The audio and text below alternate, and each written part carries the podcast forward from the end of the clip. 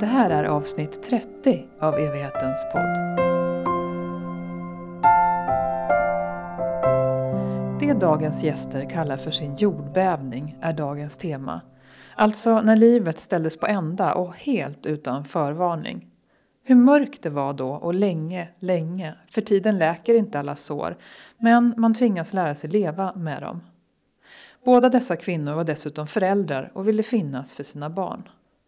Och trots att de trodde att de aldrig skulle kunna vara glada igen har de kärleksfulla relationer idag och vågar leva.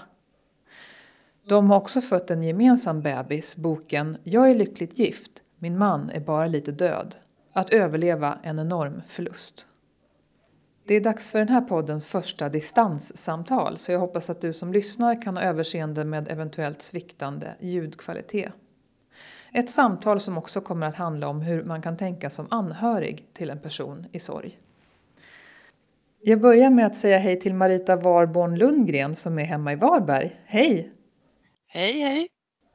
Jag är just nu på evigheten i Märsta och sitter i dojon här på en mjuk matta och solen skiner in genom fönstret. Hur är det hos dig Marita? Den skiner väldigt mycket här också. Kristina mm. Karlberg, hej! Hej hej! Hur ligger landet i Kalmar? I Kalmar skiner solen också, lite blåsigt fortfarande men annars strålande sol och blå himmel. Kristina, det här med jordbävning, på vad sätt ringar det ordet in i era respektive förluster? Jordbävning är väl någonting som alla kan relatera till att det är en stor omvälvande händelse och som ofta är, slutar i en katastrof. Någonting som gör att man påverkas av det hela livet. Mm. Så det är därför vi har valt att likna våra händelser vid en jordbävning. Marita, du brukar jämföra dig själv med ett hus. Hur då? Det är också lite jordbävningsvarning på det för huset det rasade fullständigt. Och sen fick man försöka bygga upp det så gott det gick utifrån de förutsättningarna man hade. Och det kanske blev lite snett och vint och skevt men det blev ändå ett hus som blev ganska bra till slut. Det går att bo i. Det finns trivsel. Men mm. det var inte som det skulle ha varit. Eller Nej. var förut. Men har det funnits perioder när du inte har velat bo i det här huset? Från första början så var eh, det en stor trygghet. Det var som att huset liksom välkomnade mig in med en varm filt om axlarna och eller ja, det låter konstigt med huset, men eh, det var min stora trygghet och jag bestämde mig ganska tidigt för att eh, vända på varenda öre för att kunna bo kvar. Det var jätteviktigt. Alla sa till mig att jag inte skulle ta några beslut så det bestämde jag mig ganska fort för att ta inte något beslut överhuvudtaget eh, till att börja med. Men beslutet att försöka ha råd att bo kvar, det kom väldigt fort. Speciellt frågade ju pojkarna, hur går det nu, kan vi inte bo kvar? Vi hade mm. en ganska stor prästgård och vi hade bara bott där i ett år och totalrenoverat det. Så det, nej, det var viktigt, det var jätteviktigt. Ehm, jag tänker att vi återkommer till det där med att kunna bo kvar. Kristina, midsommardagen år 1999, vad var du i livet då? Jag satt där med min eh, treåring och en fyra månaders bebis. Vi hade haft fest hos grannen på midsommarafton. Eh, men dottern var lite krasslig, visade sig sen att hon hade urinvägsinfektion. Men eh, vi åkte upp till mina föräldrars, deras sommarställe och var där under hela dagen. Tommy kände sig dock lite krasslig så att han valde att stanna hemma vilket irriterade mig mycket. Så kom jag hem vid åtta tiden på kvällen och eh, hittade Tommy död i sängen. Och eh, det utbröt ju naturligtvis ett väldigt kaos. Först väldigt strukturerat kaos som jag vill minnas det i alla fall när jag sprang in till grannen och hämtade honom för att be om hjälp. Från det sen kom poliser och så småningom kom det också en läkare och skulle konstatera dödsfallet. Och sen kom mina föräldrar ner och sen var det totalt kaos. Så då bara kräktes jag i två mm. dygn.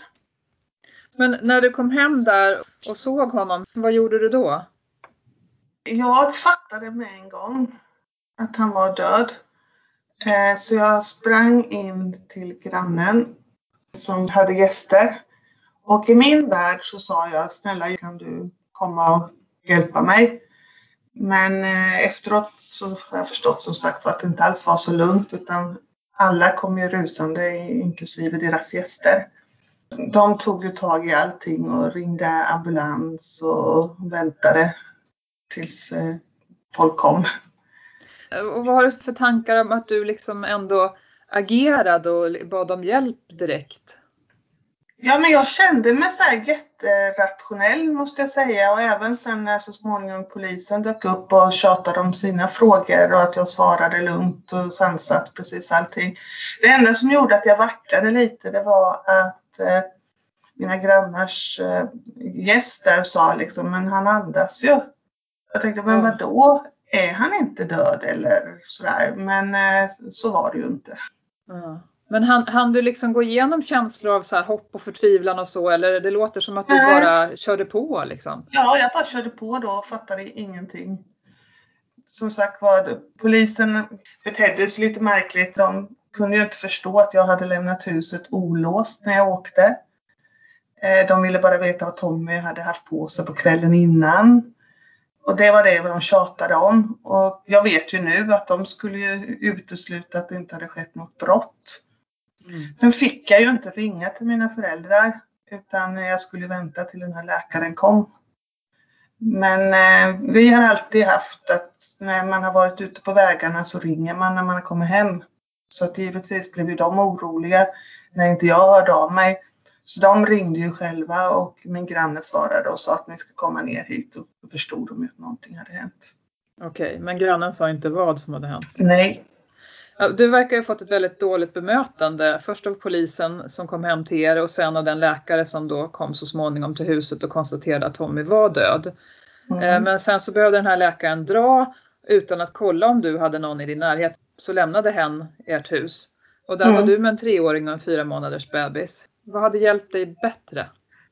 Alltså först kan jag tycka nu, man måste ju säkerställa, kunde jag verkligen ta hand om de här barnen? Mm. Eh, och visst, då visste de kanske att mamma och pappa var på väg, men det var ju inte så att de frågade. Utan tvärtom var det ju som de sa att jag fick ju inte ringa efter dem först. Och sen uppföljning också, hur gick det sedan? Nu var ju sonen var ju så pass liten så där gick vi fortfarande på mödravården och första besöket jag gjorde på mödravården då visste ju inte de vad som hade hänt. Det fanns ju inte i registren. Utan de pratade ju på som vanligt. Eh, mm. tills man fick berätta vad som hade hänt. Och sen eh, har jag fått höra efteråt att den barnsköterskan frågade ju våran läkare, då var husläkare inte den läkaren som var hemma, men eh, varför de inte hade sagt någonting. Och så här, ja men jag känner till den här föräldern och hon är van med myndighetskontakter så hon klarar sig alltså hon kan ju inte veta hur jag reagerar vid en sån jordbävning. Så vad tänker du hade varit bättre för dig? Prata med mig, våga prata och fråga hur jag mår och fråga hur jag klarar mig. Och fråga om jag har någon, någon hjälp i närheten och har jag inte det så se till att jag får prata med någon. För det, sen kom ju problemet med att jag liksom funderade på framförallt dottern då, skulle följa med och titta på Tommy på bårhuset. Skulle barnen följa med på begravningen och man kände att man har ingen att prata med. Och då var det ju genom bekantas bekanta då som jag fick kontakt med en barnpsykolog som jag kunde rådgöra. Och det skulle väl de ha tänkt på från början. Den här barnpsykologen sa någonting, ni pratade en del om det här med huruvida du ska prata om Tommy eller inte. Och vad handlade det om? Hon sa att egentligen så spelar det inte så stor roll om det första minnet faktiskt är upplevt eller någonting man har fått berättat för sig. Så hon var ju av den ståndpunkten att jag skulle prata och prata och prata och prata jättemycket. Och det tycker jag att jag har gjort. Ehm, men sen när Elin blev mycket äldre och började må dåligt när hon gick på gymnasiet så kom det fram att hon tyckte inte att jag hade pratat tillräckligt mycket. Men det var ju egentligen att hon tyckte att jag hade bara pratat om sånt som vi hade gjort tillsammans. Inte så mycket om hur Tommy var som person. Hon har ju inte lärt känna Tommy. Hon sa har saknat en pappa. Men hon har inte saknat Tommy. Inte den pappan? Det, nej. Och det är ju det jobbigaste fortfarande, även fast det har gått så lång tid. För dig? Ja, det är barnens sorg. Man bär ju den också. Marita, om vi går eh, över till dig. Så din jordbävning inträffade ett år före Kristinas, år 1998. Då du med din man Stig och dina två tonårssöner just anlänt Sverige. Ja. Ni var på en flygplats eller? Ja, vi hade varit i England hos eh, en av Stigs storbröder och tillbringat pingsten där. Och vi kom hem ganska sent till Landvetter, och tio tiden på kvällen. Och Stig hade sagt innan att jag känner mig lite som jag håller på att bli förkyld. Det sa han redan när vi var på flygplatsen i England. Så när vi eh, skulle gå ner och hämta våra bagage på Landvetter, när vi precis hade kommit ner för rulltrappan, så ser jag i ögonvrån att eh, han ramlar raklång baklänges. Och jag hör dunsen.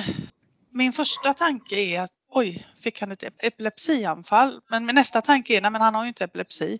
Så det var väldigt konstigt. Det kom fram en kvinna i gul tröja och frågade mig om jag kunde mummetoden så hon körde igång med eh, sådana här hjärtkompressioner. Så det höll vi på med ett tag. Det blev helt enkelt kaos. Det kom poliser och det kom personal med sådana här hjärtstartare. Så tog de med sig Stig. De åkte till Mölndals sjukhus. Och vi blev kvar på Landvetter.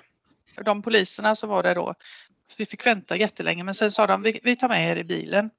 Och så fick vi åka till Mölndals sjukhus. Jag kommer fortfarande ihåg att de här poliserna säger du ska se att när vi kommer fram, det ordnar sig. Det händer alltid saker med människorna när, när man flyger och det, det är nog ingen fara. Men så var det ju inte utan vi fick vänta vad det kändes som jättelänge i ett anhörigrum innan det kom en kvinnlig läkare och bara sa att eh, din mans liv gick inte att rädda. Och eh, till skillnad från Kristina då så, så hade jag ju jättesvårt att förstå. Jag förstod aldrig att han dog där och då. För det mm. var som att blåsa ut ett ljus.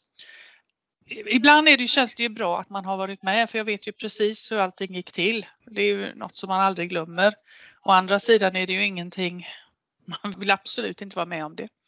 Mm. Men eh, sen hände ju saker på sjukhuset. Det var helg.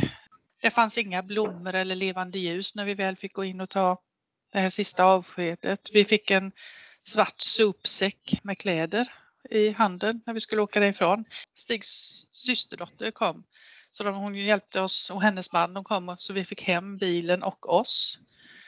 Jag tror aldrig någonsin i mitt liv, vare sig före eller efter, jag har varit så liten, ensam och totalt maktlös. Alltså helt eh, hjälplös. Både bemötandet och liksom hanteringen där och det var inga tända ljus eller så. Det låter så kyligt liksom.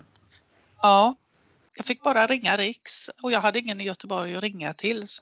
Men sen fick, kunde de väl spärra upp den här telefonen så att jag kunde ringa till slut då. Ja, det var, det var så märkligt och det tänker man inte på där och då, det är efteråt. Att varför, varför frågade de mig om han skulle ha på vigselringen eller jag skulle ta den? Det, är mm. ju sånt här, det blir så makabert i en sån situation. Och när förstod du i förhållande till det här att han, att han var död? Ja, jag gjorde väl mer en sån här, eh, eller hjärnan gjorde väl en sån här, den tog in etappvis. Eh, ibland låtsade jag väl om att han var lite mer bortrest. Mm. För det var lite enklare. Jag hade jättesvårt att förstå. Det var ju det här, en tom sänghalva, det är ett tomt matbord, och förstå förnuftet. Men inuti, det, det går inte att förstå. Alltså nej. När någon dör som man egentligen inte kan leva förutan, det, det, det är tufft att ta in. Du beskriver den närmaste tiden efteråt hur du, att du kände dig så hudlös och att du inte kände igen dig själv. På vad sätt gjorde du inte det? Nej, jag kände lite som att det var någon annan som gick omkring i mina ben. Jag kände inte igen mig själv alls. Jag var van, jag var van vid att kunna vara en logisk, eh, effektiv människa med full koll och fullt upp med livet och ungar och skjutsning och husrenoveringar och, och vänner och, och nu är man bara med ett eh, slags ufo från en annan planet. Resten av världen går vidare men livet stannar upp. Var det lite grann som att resten av världen gick vidare på ett, på ett provocerande sätt? Att andra människors liv var så vanliga? Ja, å andra sidan den här förnuftiga delen av en själv förstod ju det. För jag menar, man har ju varit med om andra som har dött och där man själv kanske har tänkt att ja, ja, det går väl över. Och då tror man kanske det går över efter några månader. Men det gör det ju inte. Visade du upp, vad ska jag säga, egenskaper, liksom sinnestillstånd som du inte var van vid att uttrycka eller känna? Jag kunde nog bli lite sådär provokativ. Alltså jag kunde säga ibland på jobbet så här när det var en fredag och de andra hade lite fredagskänsla. Ja, vad ska du göra i helgen då? Då kunde jag säga, ja, jag ska gå hem och vänta på att det blir måndag. Eller så när man träffade någon som säger hur läget? Som jag tyckte var en idiotisk hälsningsfras. Så kunde jag säga så här, ja, det var ju betydligt bättre för 672 dagar sedan för då levde ju Stig. Det var verkligen inte bra. Och, och sen som sagt som Kristina säger, det finns inget skyddsnät. Det, var, det är ingen som fångar upp en överhuvudtaget.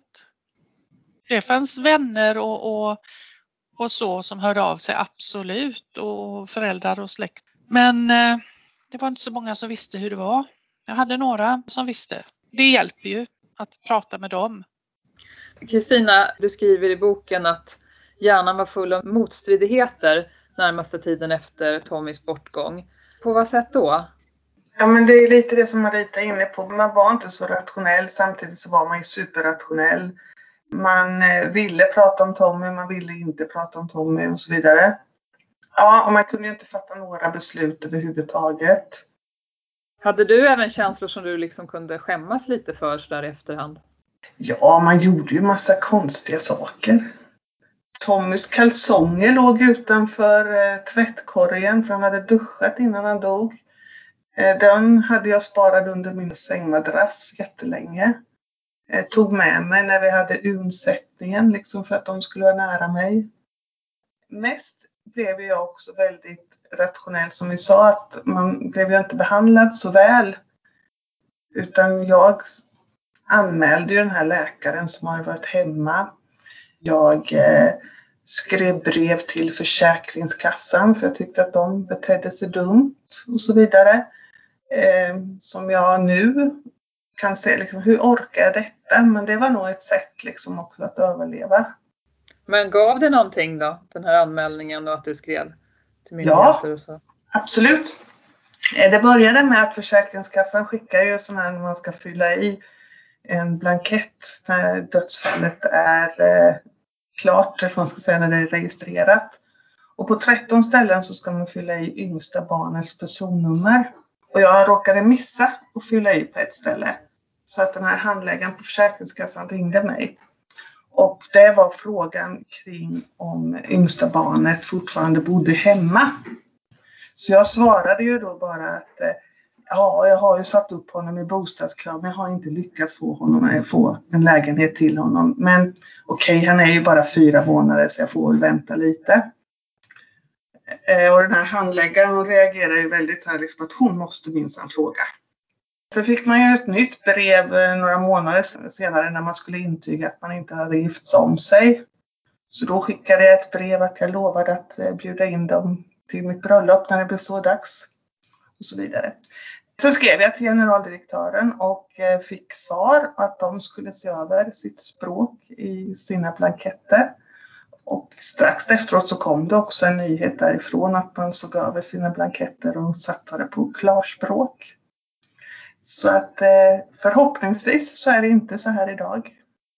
Men mm. wow, då är det som att då kanske du verkligen har gjort skillnad för andra efter dig så att säga. Jag hoppas det.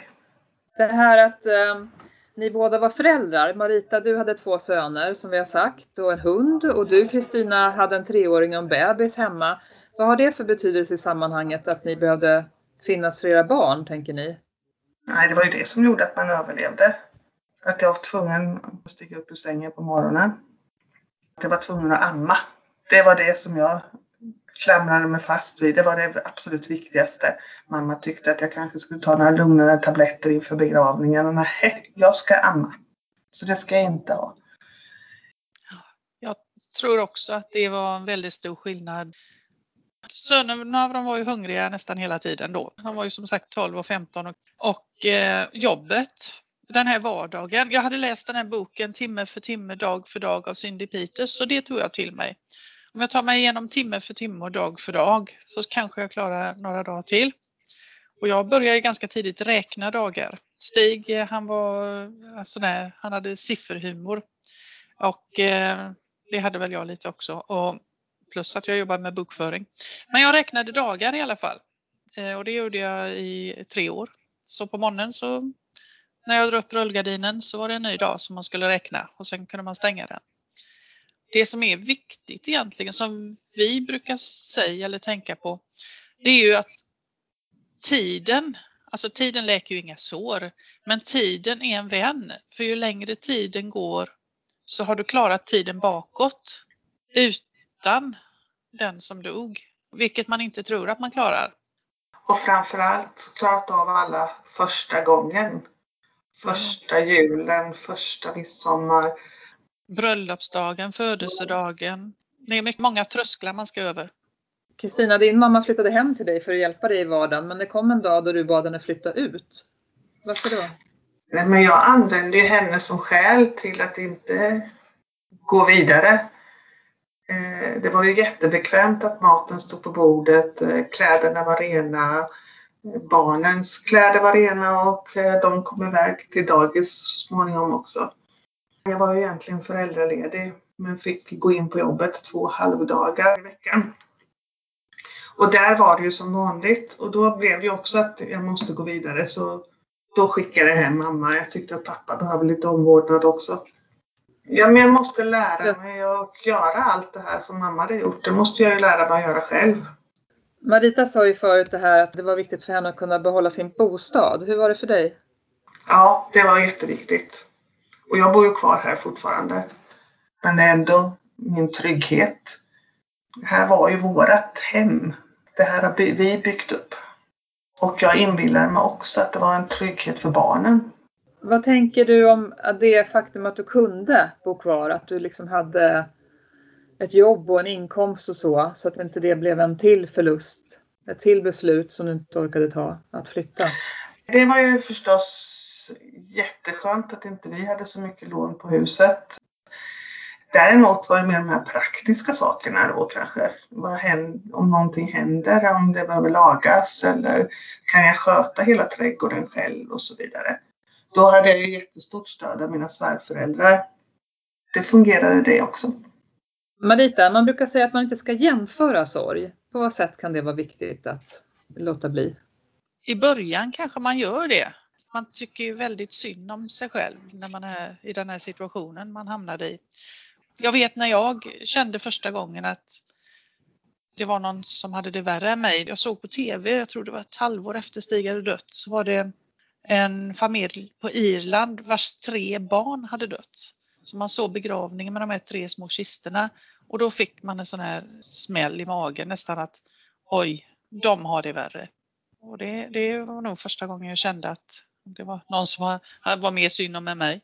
För det är lätt att ta på sig den här offerkoftan. Men jag tror inte man ska jämföra.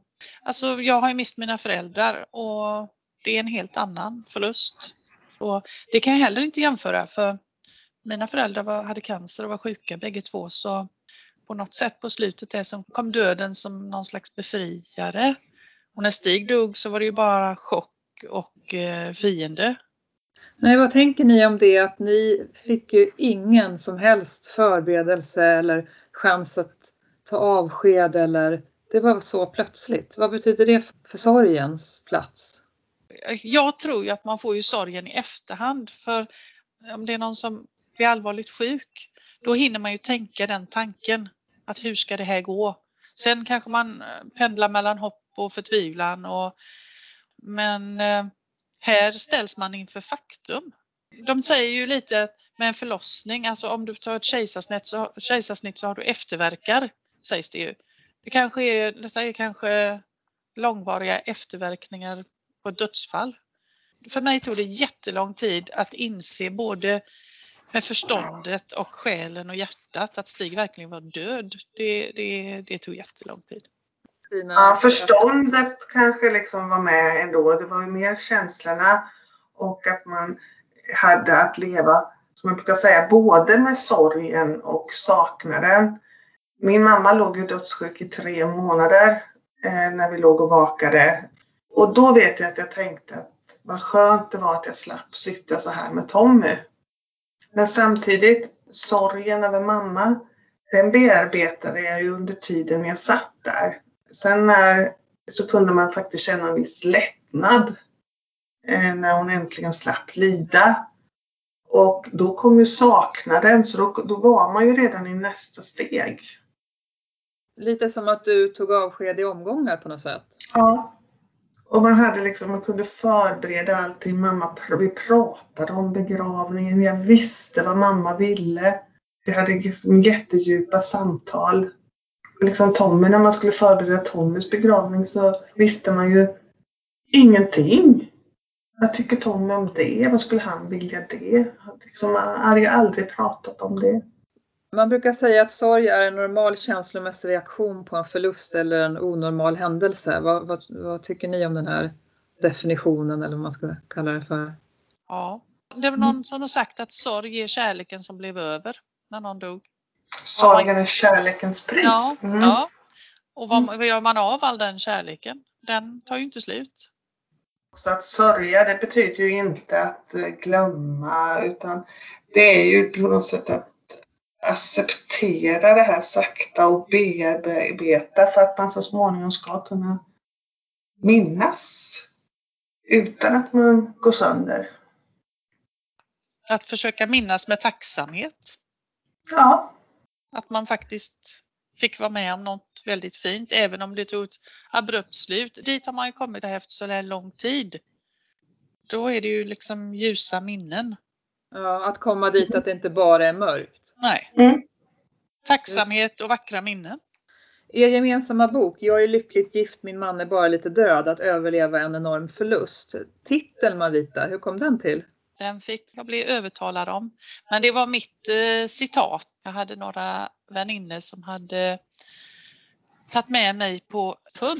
Det kanske hade gått något år. Det var här i Varberg då. Och så tyckte de väl att jag skulle återvända lite till livet igen. Och då var det en man där som eh, frågade om inte vi kunde träffas någon gång, jag och han. Typ ja, gå ut och käka eller något. Men då sa jag just det här. Jag, jag är faktiskt lyckligt gift. Min man han är bara lite död. Ja, han frågade ju inte igen. Så det blev liksom inget med det? Nej, var, man var väl lite makaber i sina svar ibland. Det var väl ett sånt tillfälle. Och vi andra som också varit med om jordbävningar, vi tyckte detta var alldeles lysande och kunde använda det i många olika sammanhang. Mina barn till exempel, de har ju en pappa, han är bara lite död. Vad är bokens viktigaste budskap? Om, om det går att sammanfatta. Att det finns någonstans där långt, långt bak i tunneln så finns det ändå en ljusglimt och att det går att överleva det här trots att det är det absolut värsta som kan hända. Och att man ska våga prata mer om döden. Varför det? För att det är något som drabbar oss alla. Det är bara frågan om var och när och hur. Det här du pratar Kristina om eh, ljus i tunneln och att det förvisso kan vara väldigt, väldigt långt bort. Hur lång tid skulle du säga i förhållande till din förlust att det tog innan du faktiskt vågade tro på det eller känna så?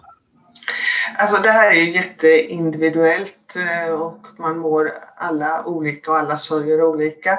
Men vi har ju ändå kommit fram till att på något sätt så finns det en sån här treårsgräns att efter tre år så börjar man liksom ändå fungera normalt och man vågar någorlunda planera för kommande liv eller fortsättningen av livet.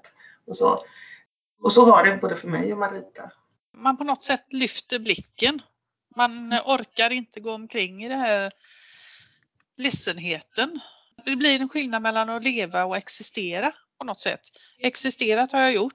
Det är ganska torftigt. När man lever det är det lite som att man öppnar fönstret och nu menar jag lite symboliskt öppnar det mot livet eh, så att du kan höra liksom regnet och fågelkvittret och du kan känna vinden och lukter och, och allt vad det är. Men att du existerar, då bryr man sig inte ens om att öppna fönstret. Inget som spelar någon roll. Det, fönstret har kärvat igen kan man säga. Ja, du beskriver i boken som att du var nerfryst. När kände du att du kunde att du levde igen första gången efter att Stig lämnat jorden? Jag kan också säga mellan två och ett halvt och tre år där.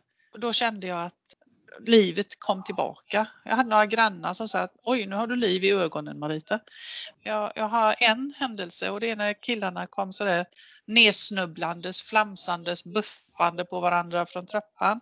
Och då var det så här, jag tinade upp inuti och jag liksom grät för jag kände detta så tydligt att oj, vad tacksam jag är att jag har dem. Att de för in så mycket liv och, och, och grejer i mitt liv.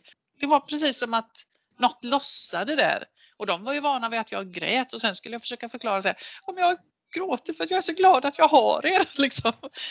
När jag hör dig prata så låter det som att det var någon form av närvaro och sinnesnärvaro kanske? Ja, det är säkert så. Som jag säger, försöker förklara, man nerfrusen. Och när det tinar, det kanske till och med tinade så mycket så det blev typ vårflod just då. Just de stunderna. Då svämmar det över. Fast annars är ju sorgen som en berg och dalbana. Ja. Eh, med liksom väldigt höga toppar och väldigt djupa dalar. Men med tiden så blir det ju förhoppningsvis det längre mellan de här dalarna och dalarna blir inte lika djupa längre.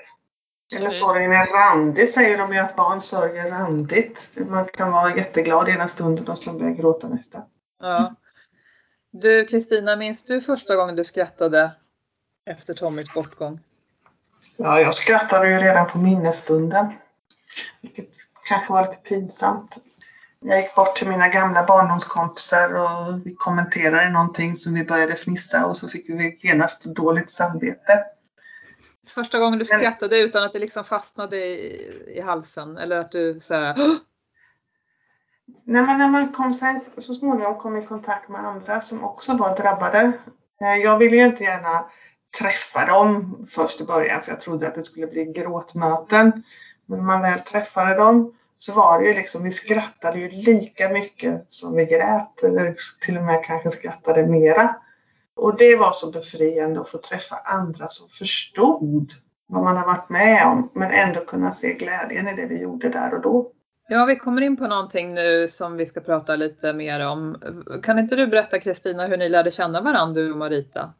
Dagen efter begravningen så fick jag en veckotidning av eh, en av mina kompisar där det stod om en kvinna i Kungsbacka som hade förlorat sin man eh, och som tyckte att det borde finnas ett nätverk för andra som hade mist någon mitt i livet. Så hon bildade en förening som heter Vimil, alltså Vi som mist någon mitt i livet. Och jag tog ju genast eh, kontakt med dem när jag läste det här. Det är ju konstigt för annars tog man ju inga beslut men där tog jag genast och skickade ett e-post. Det var ju bara någon månad efter Tommy hade gått bort. Och så småningom så träffade jag ju Marita där genom föreningen också. Jag skulle åka förbi henne i Varberg och hämta en bok. Det var första gången. Men blev det liksom kärlek vid första ögonkastet? jo, nej men man kände ju en samhörighet. Liksom. Vi hade ju någonting gemensamt och vi hade ju haft rätt så mycket kontakt via e-post och så. Så man visste ju vad som hade hänt och visste vad som hade drabbats. Så liksom det var ju lättsamt. Alltså det var ju lätt att börja prata. Marita, kan inte du ge exempel på vad ni i nätverket Vi som mist någon mitt i livet pysslar med? Jag var ju med på det allra första mötet i september 99. Nu är det ju svårt att träffas i och med att det är Corona så nu får ju hemsida och Facebook vara viktigare och så digitalt. Men man har fikamöten, man har sommarläger där barn är med, föräldrar och barn, eh, kaféträffar. Som Kristina säger, det finns människor som vet hur det är och hur det känns. Man kan få tips om hur man hanterar den här konstiga, overkliga, märkliga situationen i livet man bara hamnar i. Det blir en självklar gemenskap. Och det haltar ju väldigt mycket på helger och semestrar men en del åker på spa, de har matlagningsträffar och bokklubbar. Och det är ju lite upp till medlemmarna vad som ska göras. Man får komma med önskemål. Men kan man komma även om man inte orkar prata så mycket? Ja, absolut. Man omfamnas av eh, stämningen skulle jag vilja säga. Det finns de som bara sitter tysta eller bara gråter men det finns ofta en kram, en arm eller bara en god blick kan räcka. Att våga ta sig dit det är väldigt mycket värt. Och för mig var det, var det jättebra och jätteviktigt med Vimil. Min mamma tror jag det var, hon sa så här, men du, ska du verkligen hålla på så här mycket med dem, alla de här andra, det blir ju bara död hela tiden. Det var väl när jag var som mest aktiv. Så sa jag, ja men det är precis så mitt liv är. Det, det är ju mest död. Och det kanske är så att man behövde tragglas igenom det här riktigt ordentligt för att våga ta sig tillbaks till det där livet sen. Och vem annars kan man fråga om hur länge ska jag ha på mig vigselringen eller när kan jag ta bort tandborsten och tandborstmuggen eller andra konstiga frågor som man har. Just det att det finns andra som är i samma situation. För man tror ju att man är ett riktigt UFO, är riktigt normal överhuvudtaget. Och där får man ju den bekräftelsen av att lyssna på andras konstigheter också, att man är nog rätt normal ändå. Igenkänning. Ni skriver att för er blev det ett sätt att göra något meningsfullt och någonting meningslöst. Och jag har ju en fråga i den här podden som jag alltid ställer till gästerna så jag tänkte jag skulle fråga er det nu. Marita, vad är meningen med livet? Jag skulle nog säga så här att våga försöka inse att livet är ändligt, alltså ha ett slut. För man kanske inte vaknar imorgon och kanske inte kommer hem igen. Och när man då vågar inse detta så gäller det att försöka fylla tiden man har med det som är viktigt och äkta. Och det är ju väldigt individuellt. För min del så är det viktigt att vårda relationer. Att man tänker godhet och vara en bra människa. Tänka gyllene regeln, att göra mot andra som du själv blir behandlad. Och att man eh, är tacksam och ödmjuk. Eh, till exempel att få vara frisk och ha tak över huvudet och mat på bordet. Att vara glad för livet. Om jag hade frågat dig före din jordbävning, tror du att du hade svarat på ett annat sätt då eller är det? Ja, absolut. Jag hade inte en tanke på döden då. Det var mest så här, ha, eh, vem har träning imorgon, hur skjutsar, hantverkare, och fester, vad jag ska äta i helgen. Alltså livet, det är milsvid skillnad. Jag levde liksom i vardagslyckan. Hej och hopp. Betyder det att du har liksom fördjupats, eller man ska säga, som människa av den här förlusten? Ja, det tror jag. Jag har nog blivit lite mer eh, betänksam. Sen är det ett väldigt högt pris. Jag vet inte om jag hade varit, om någon hade frågat mig innan om jag var beredd att få den här, de här insikterna så hade jag nog inte riktigt gått med på det. Vad säger du Kristina? Vad är meningen med livet för dig idag?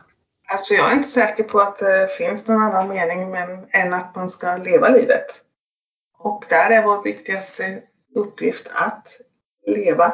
Och som Marita säger, att leva på riktigt, att fylla det här med någonting meningsfullt och riktigt. Ja, det är ens skyldighet skulle jag till och med vilja säga. Det är ingen annan som kan se till att jag blir lycklig eller mår bra. Utan jag måste själv jobba för att jag ska leva det här livet på det allra bästa sättet.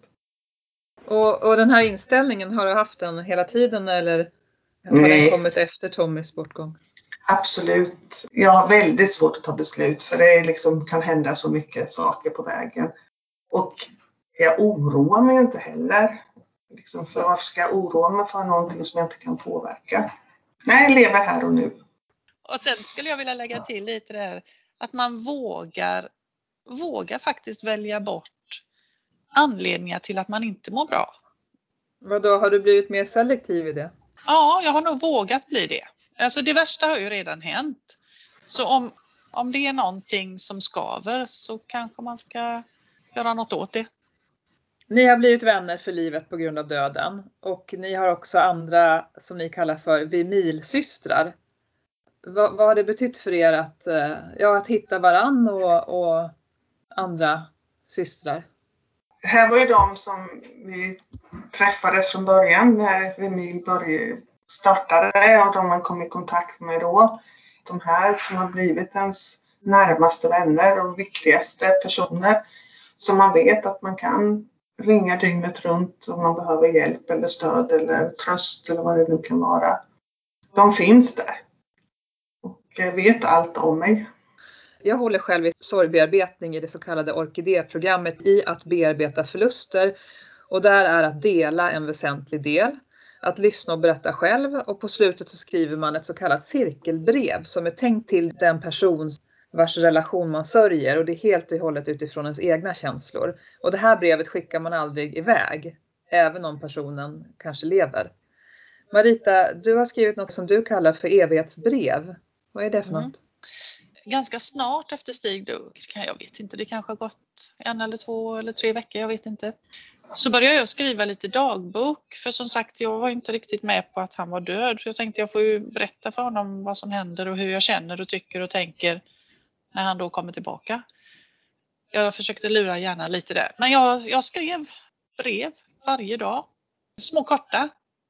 Och de sammanfogade jag sen till ett brev. Och jag skrev även jag filade även på ett brev till släkt och vänner för när väl begravningen var, väl var slut så blev det ju väldigt tyst och tomt. Och det var lite det här att de fick gärna fortsätta höra av sig och att jag kanske inte är så mycket. Jag kanske bara älter och, och gråter nu men det betyder mycket att de hör av sig. Det är så svårt att veta hur, hur man ska bete sig när man är runt omkring. Men det har väl vi känt lite kanske med boken då och inom Vimil att ja, men man behöver inte vara så rädd. Man behöver inte säga så mycket. Och det var väl det lite jag ville visa med det här brevet som först blev ett brev till Stig. Vad jag saknade, hur jag kände och hur fruktansvärt det var. Som sen utvecklades till ett brev till dem runt omkring. Det var för att bjuda in. Att var inte så rädda. Jag är inte så farlig. Alltså jag förstår ju att man är skräcken. Händer det mig eller oss så kan det ju hända precis vem som helst. Och det är väl det lite rädslan är också. Och det var ju också bland det värsta man kunde höra att oj vad stark du är. Eh, jag hade aldrig klarat det om det hände mig. Man har ju inget val. Det här med att skriva, ni är lite inne på ja. att man även kan be vänner till exempel till den som har gått bort att eh, beskriva personen så barn kan läsa det. Om den här ja. personen som gått bort har barn kan läsa det när de blir äldre. Ja, det, det tycker vi var en väldigt fin idé. Det var eh, en av de här Vimilsystrarna. De hade haft minnesstund på mannens jobb och då hade de skrivit, alla som arbetade hade skrivit sin personliga upplevelse eller hur de tyckte den här mannen var. Och det var jättefint för barnen att få läsa. Eh, för de hade ju sin bild via mamma, hur han var som pappa eller man. Men här fick de en helt annan bild. Och det tror jag är jättefint att göra. Alternativt att de inte har någon bild alls utan det kan de läsa sen när de blir lite större. Mm. Nej men skriva är jätteviktigt. Man får ut sina egna känslor också. Men det är lika viktigt att prata. Skulle jag säga. Liksom, eller, och då menar jag att de runt omkring en låter en prata om det som har hänt. Det kan säkert upplevas som tjatigt och som ett ältande. Det, det handlar inte om att fastna i sorgen om man pratar om sin döde man. Alltså det jobbiga är ju inte att Tommy har levat utan det är att han är död. Så liksom att jag får prata om minnen. Så våga finnas där, våga ta kontakt har ni sagt.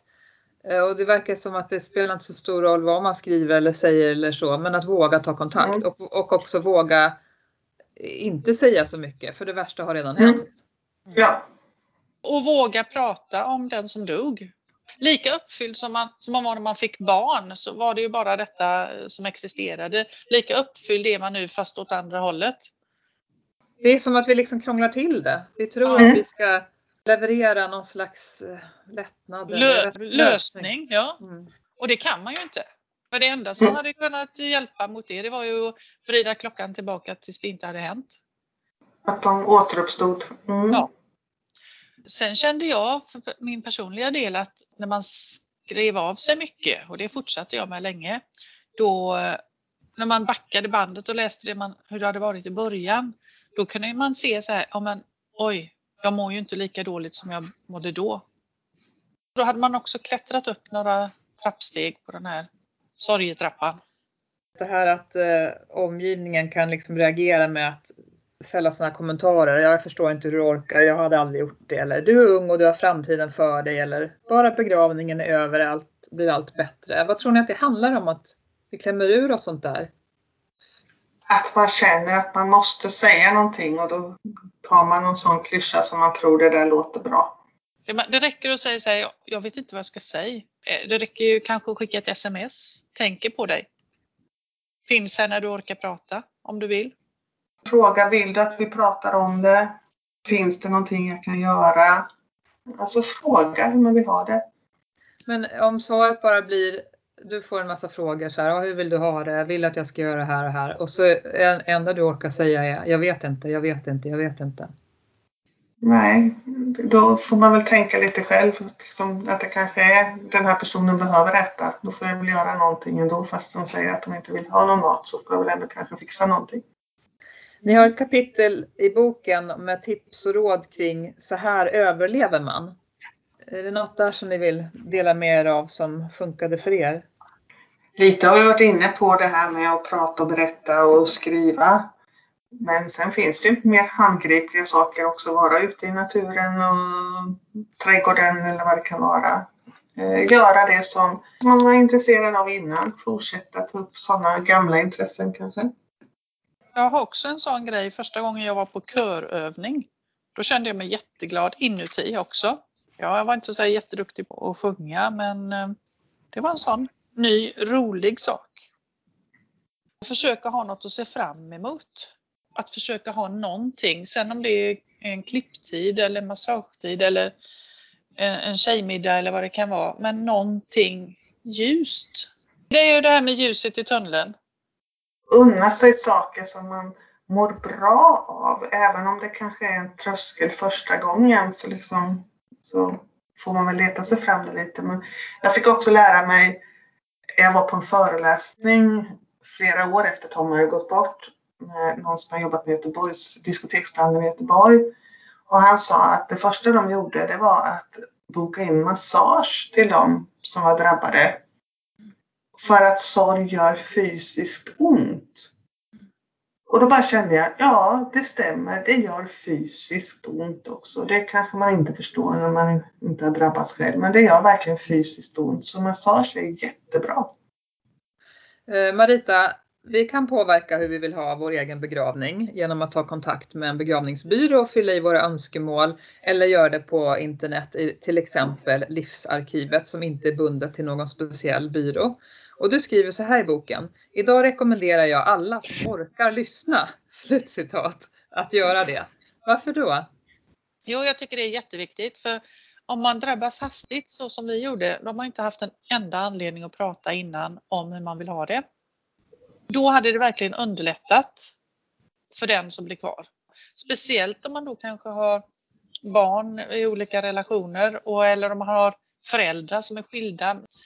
Om jag skulle dö, vem har då mest rätt att bestämma om var jag ska ligga eller vilken musik som ska spelas eller vad det är. Är det mina söner eller är det Anders då som jag numera är gift med? Just därför är det jättebra att ha skrivit. Marita, du har mött kärleken igen.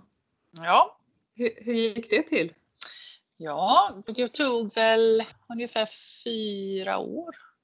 Och det var eh, via jobb och bekanta. Plus att Anders då som han heter, han har jobbat ihop med min mamma i tio år så de kände varandra väldigt väl. De välkomnade varandra väldigt mycket. Det var ju, jag vågade. Idag är jag liksom lite ja, tacksamt levande i vardagslyckan igen. Och ehm, jag har en död man och en levande man.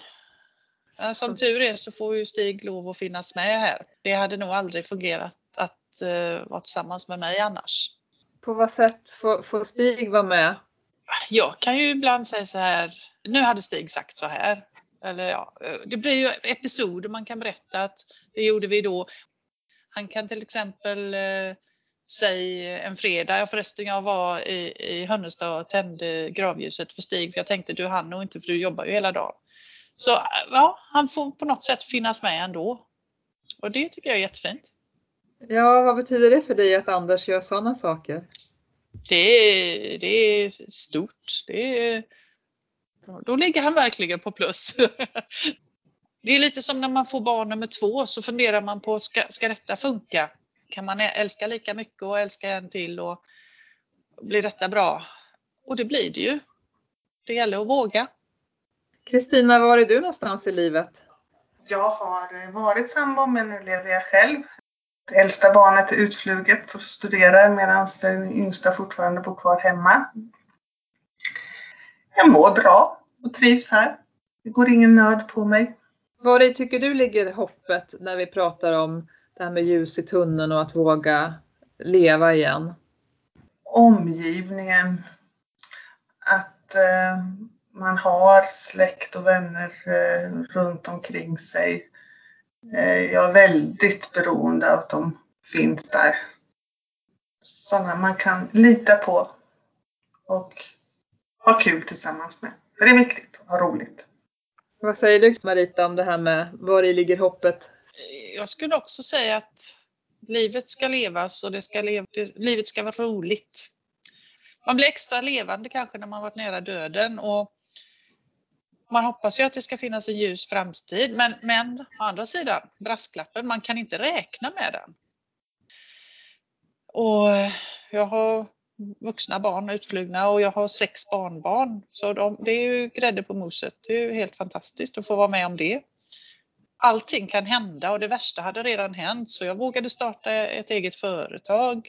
Vi vågade skriva boken som tog ut oss på en resa som, som vi inte hade en aning om. Det var ju helt fantastiskt. Det, alltså livet har ju så mycket möjligheter om man bara vågar eh, bjuda in det som kommer. Jag tror personligen att man kan inte leva som att man ska dö imorgon. Det blir väldigt stressigt. Men eh, jag tror att man skulle kanske leva som om man hade en begränsad tid på 5-6 år framför sig. För då, då får man gjort allt det här. Man, man blir inte osams. Man, eh, eller som jag kan säga ibland till Anders om det är någonting. Ja, men så jag vänta nu, var det någon som dog eller var det någon som fick cancer? Nej, nej, nej då var det inte så farligt man blir liksom, vad ska jag säga, lite mer ödmjuk. Samtidigt starkare, alltså, eller klokare eller vad man ska säga. Mer tacksam. Kristina, det där som Marita sa nyss, var det exempel på så kallat dösnack? Eller vad är dösnack? dösnack? Dösnack är när man kan sitta och diskutera gravstenar eller och skratta och ha jättekul åt utformningen av gravstenar eller ja, men dösnack är helt enkelt sånt som handlar om döden och som andra inte vill prata om, som vi tycker är en viktig del. Gärna lite galghumor också. Mm. Och när du inte vandrar kvar här på jorden längre, hur vill du bli ihågkommen? Jag vill mer bli ihågkommen för mina gärningar och att jag har gjort något gott och att de här grundvärdena som jag kanske tror på lever vidare. Men ska man komma ihåg just mig så hoppas jag att man tänker på en omtänksam människa med ett stort hjärta som brydde mig om mina medmänniskor.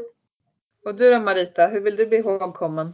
Jag skulle vilja bli ihågkommen som en positiv och ombryende person. Ombryende är ett ord som vi trodde att vi hade hittat på själva, jag och Kristina, men det visar sig att det finns ett sånt. För mig låter ombryende som en jättevarm, god, inlig kram. Det är varmare än omtänksamhet. Ja, positivt ombryende skulle jag vilja bli ihågkommen som. Vi har ju några rader där vi avslutar boken. Där vi skriver så här. Till de av er som läser vår bok och har mist en älskad anhörig vill vi varsamt omfamna och trösta med dessa ord. Det kommer inte alltid att göra lika ont. Det blir bättre längre fram.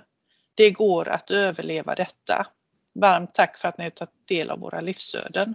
Det brukar vi avsluta när vi eh, har gjort någon föreläsning eller så, så brukar vi alltid avsluta med de orden. Det känner vi att det är ombryen både om de andra och ja, om läsarna. Och, och människorna. Sen, och sen är det ett hjärta där också. Ja. Kan man vara ombryende på distans? Absolut. Okej, okay, kan vi ja. ge varandra en ombryende kram nu då? Absolut. Ja. Och, och ni som lyssnar får den också. Det är vi generösa med. Jag säger otroligt stort tack med en varm ombryende kram till Marita Warborn Lundgren och Kristina Karlberg här i evighetens podd.